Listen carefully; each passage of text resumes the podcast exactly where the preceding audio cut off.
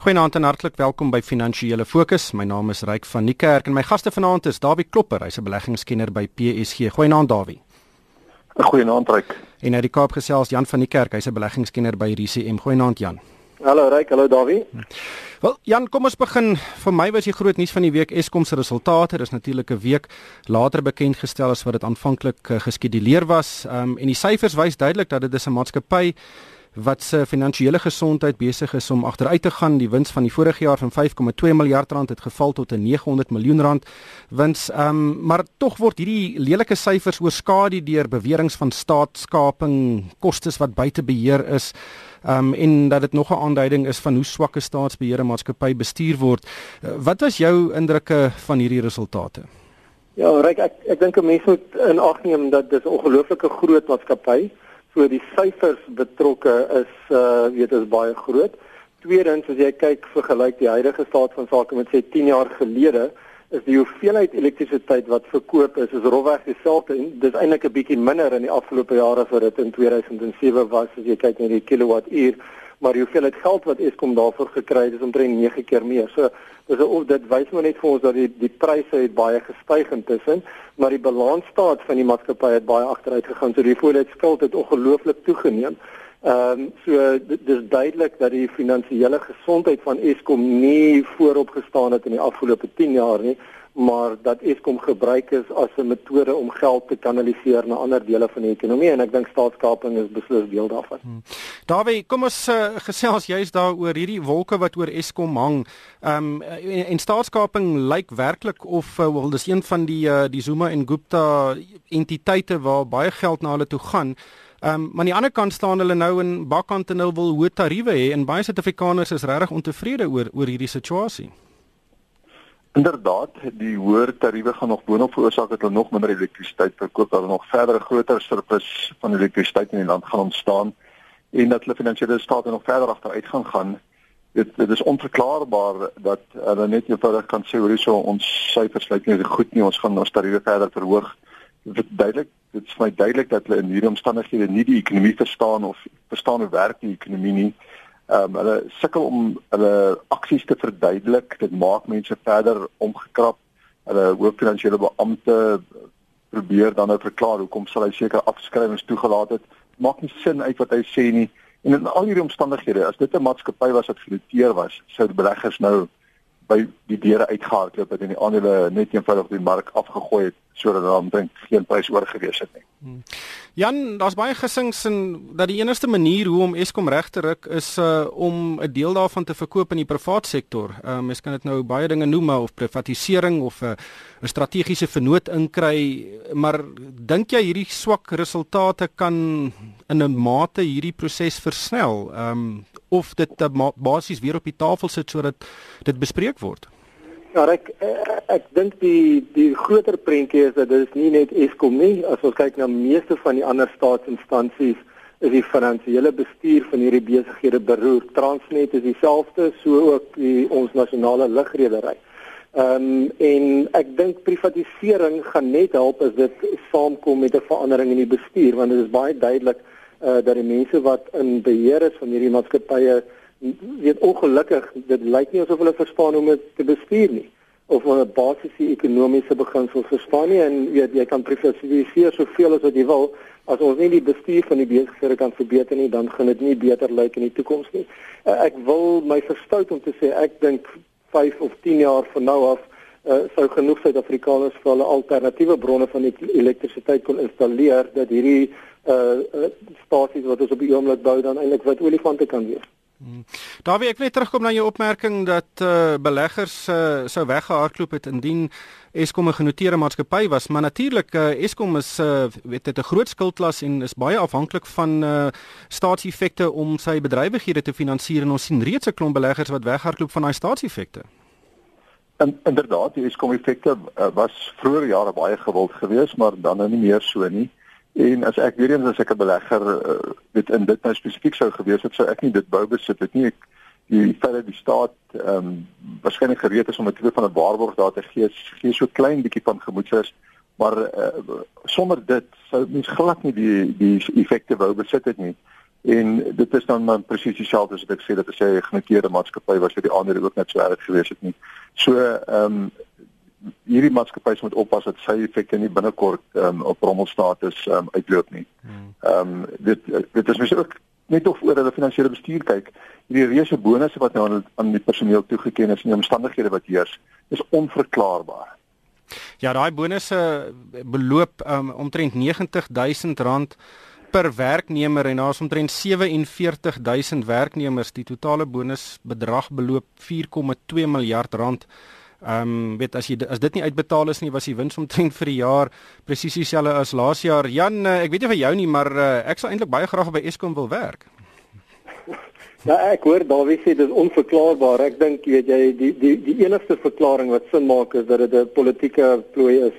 Uh weet want dis 'n ANC verkiesing op pad en 'n nasionale verkiesing wat intussen is.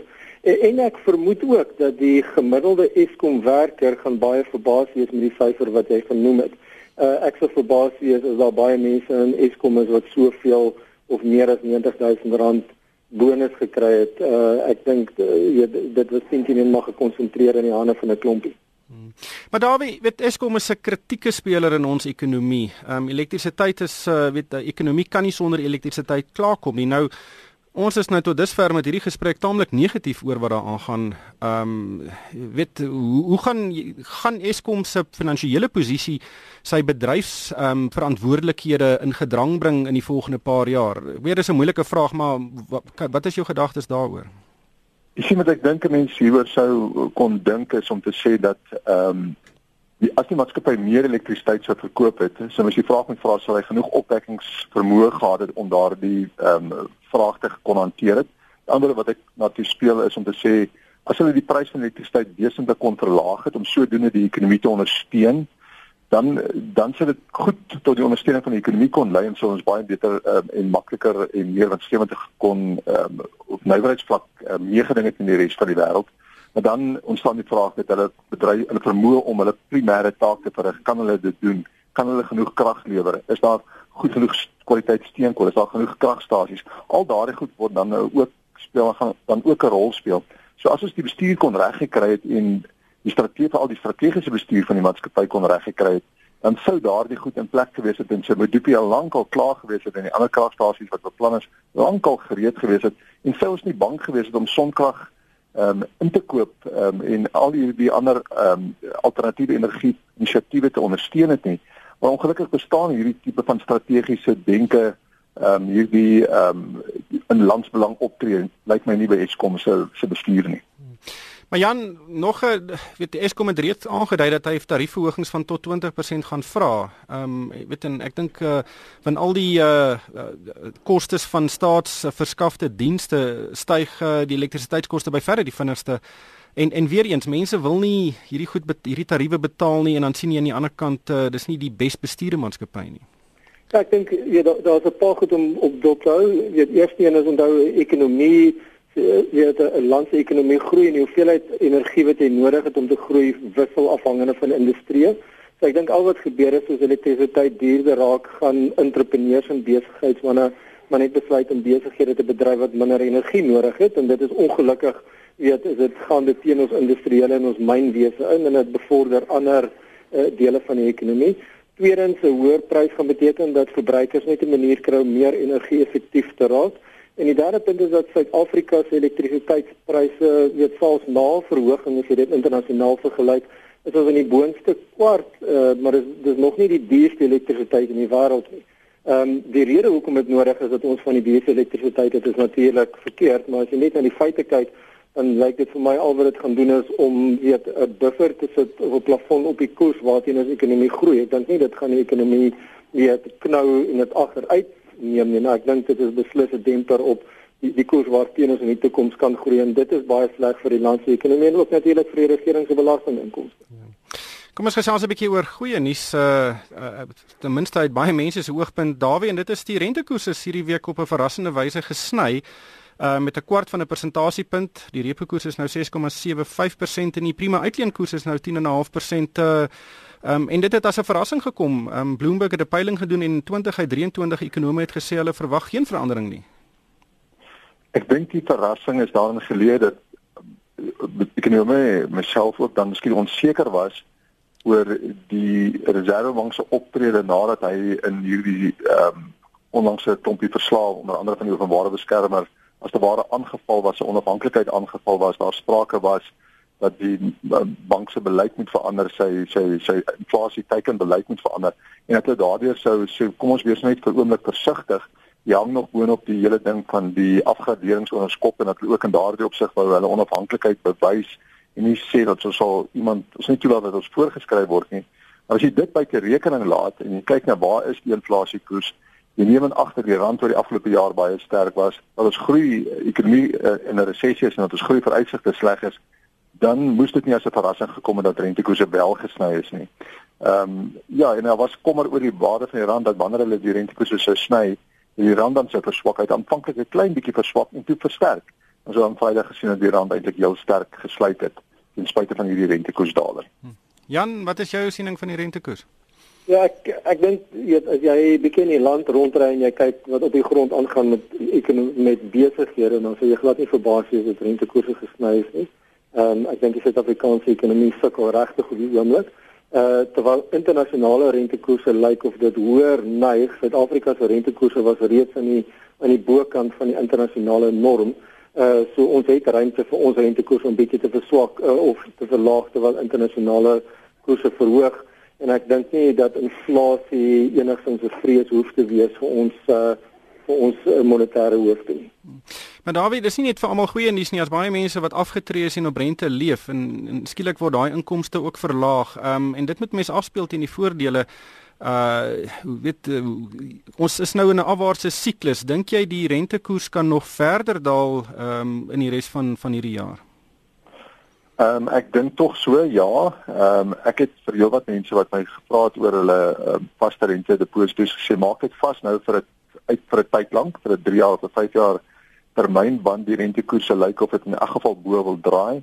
So ehm um, as jy my vraag dan vra kan die rentekoerse nog verder daal? Ja, as hierdie inflasie goeie nuus voortduur, dan kan die ehm um, is dat rente vir 'n verdere daling in die rentekoerse. So ek het ook al gesien dat die uh, R186 effek het amper met 50 punte gedaal na die besluit. Daar is ander aanduiders wat wys dat die mark 'n 50 punt daling verwag na die einde van die jaar toe. In totaal so nog 25 punte moet op die kaart te wees, na my mening. Jan, kom ons gesels oor nog 'n verrassende aankondiging hierdie week en dit is dat die eh, minister van minerale bronne, Mosebenzi Zwane, hy het uh, aangekondig of hy het in die staatskoerant gepubliseer dat hy uh, wil dalk 'n moratorium plaas op die uitreiking van nuwe minerale en mynbou lisensies. Ehm um, en dit kan natuurlik 'n uh, stokkie steek vir baie transaksies in daai bedryf, veral middelslag ehm um, myngroepe. Uh hoe lees jy hierdie ding? Ja, ek dit is waansinnig in, in my opinie. Ehm um, ek dink dit is maar net nog 'n uitspraak wat van die ministerie afkom.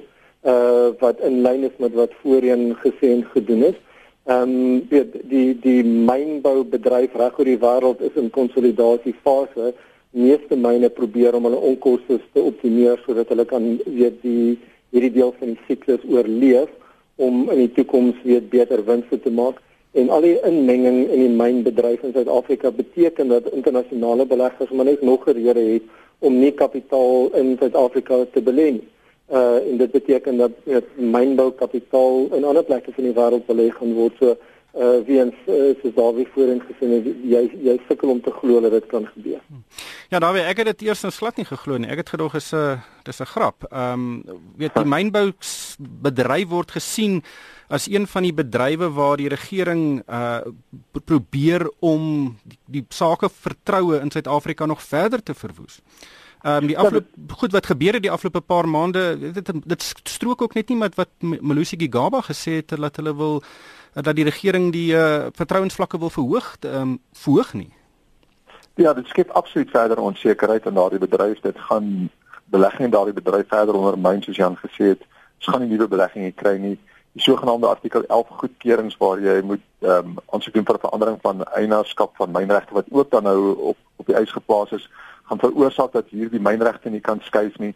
Dis 'n klomp goed wat ehm um, benadeel word in hierdie proses.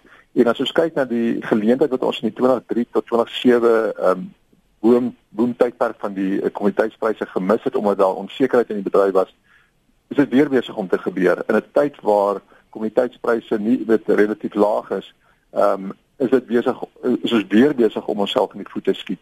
En mens wonder net wat is die politieke motief agter al hierdie besluite van die minister se kant af. Ja, dit is dis interessant. Die, die enigste interpretasie wat jy daar kan doen is jy kyk na die transaksie hierdie afgelope tyd waar Anglo American hulle steenkoolmyne aan 'n groep binne ons besigheidsmanne verkoop het vir van al die inligting wat ons in die hande kan kry was daai myne teen 'n baie baie billike prys verkoop en dit kan wees dat hierdie strategie is om verkopers te forceer om bates dan teen 'n baie goedkoop prys te verkoop vir 'n tyd lank en uh, weet dis miskien 'n konspirasie uh, teorie maar dis die enigste manier hoe ek dit kan verduidelik. Daarby uh, die tyd haal ons in net laastens kos gesels 'n bietjie oor die mark. Ehm um, die mark het 'n relatiewe goeie week agter die rug. Ehm um, en een syfer wat vir my uitgestaan het is dat die uh, wisselvalligheidsindeks uh, amper op 'n laagtepunt is. Uh, hoe hoe bring jy daai ek weet 'n kloutjie by die oor as as jy dit vergelyk met wat ons voorheen gesê het nou in die, in hierdie program? Ja, dit is interessant. Ehm um, ons sien ook internasionaal dat die wisselvalligheidsindeks uh, baie laag is. Ehm um, die Suid-Afrikaanse beurs het van die begin van die maand af ehm um, hier van of die afgelope maand van 51288 punte tot 54287 punte gestyg. So 'n stygings van bykans 6% die afgelope tyd. Jaar tot datum so 7.6% stygings. Ehm um, dit is ehm um, interessant dat die mark tog optel, maar mens moet tog sê daar die lae inflasie syfers, die lae rentekoers wat daarop gevolg het die feit dat die mark goedkoop is, die feit dat daar tog 'n mate van herstel in kommoditeitspryse is, die feit dat die koperprys hou en dat internasionale markte steeds goed doen, is ondersteunend vir ons mark en ons moet nie te verras wees dat die beurs tog in hierdie omstandighede wou styg. Hmm. Jan, uh weet mens moet ook nie altyd te korttermyn kyk en emosioneel reageer nie. Ons is nou baie ontstel oor wat met die land gebeur en ek dink baie van die buitelandse beleggers uh, kyk na ons mark sonder enige emosie en vir hulle is dit dan nie heeltemal so erg soos wat ons baie keer in Suid-Afrika dink nie. Nee, beslis, want dan ons mark word vergelyk met ander lande soos Brasilië, Rusland, Indië, China waar die soort gelyke faktore uitspeel op die oomblik. En ek dink as 'n belegger in die Suid-Afrikaanse mark is dit maar belangrik om te onderskei tussen internasionale besighede wat hulle aandele genoteer het waar daai pryse 10 teen 1 aan die duurkant is en besighede wat hoofsaaklik in Suid-Afrika fokus want daai maatskappye se pryse spotgoedkoop op die oomblik en dit bied geleenthede nie net vir internasionale beleggers nie, ook vir die binnelandse beleggers. Die ehm um, net vinnig weer die die rand. Ehm um, uh die rand het regtig verstewig. Ons het nou vroeër gesels daaroor uh ons versoek eintlik 'n stabiele rand en dit is in Suid-Afrika eintlik van kritieke belang. Dink jy ons kan miskien ook 'n meer stabiele rand in die volgende ruk sien soos wat die uh, stabiliteit in die of die wissel min wisselvalligheid wat ons op aandelemarkte nou sien of dat da, daai twee miskien kan saamwerk? As jy ryk as ek kan antwoord, um, die rand het nou versterk na R12.91 toe nadat hy vroeër die maand op op 13.60 was. Baie wisselvallig getoon, maar hy's terug by die vlak waar hy in die begin van die maand was. Ek dink my opinie is dat die rand nog 'n klein bietjie moet sterker gaan tot by selfs 12.50 en daar rond stabiliseer en dit sal goed wees as ons dan 'n stabiele rand daar op daardie vlak het kan kry wat 'n meer korrekte vlak vir die rand sou wees. Ehm um, mens sou saak kon uitmaak hy kan nog sterker gaan maar kom ons aanvaar dat dit is 'n vlak waar daar stabiliteit kan intree en dit sal ook dan tot sekerheid lei vir besluitnemers. Hmm. En daarom um, is ek baie gemaklik dat die rand op hierdie vlakke verhandel waar hy nou is en 'n klein bietjie sterker dalk van hierdie vlakke af. Ongelukkig hierdie tyd ons ingehaal. Baie dankie aan Dawie Klopper van PSG en Jan van die Kerk van RCM en vir my ryk van die kerk. Dankie vir die saamluister en ek koop almal 'n winsgewende week.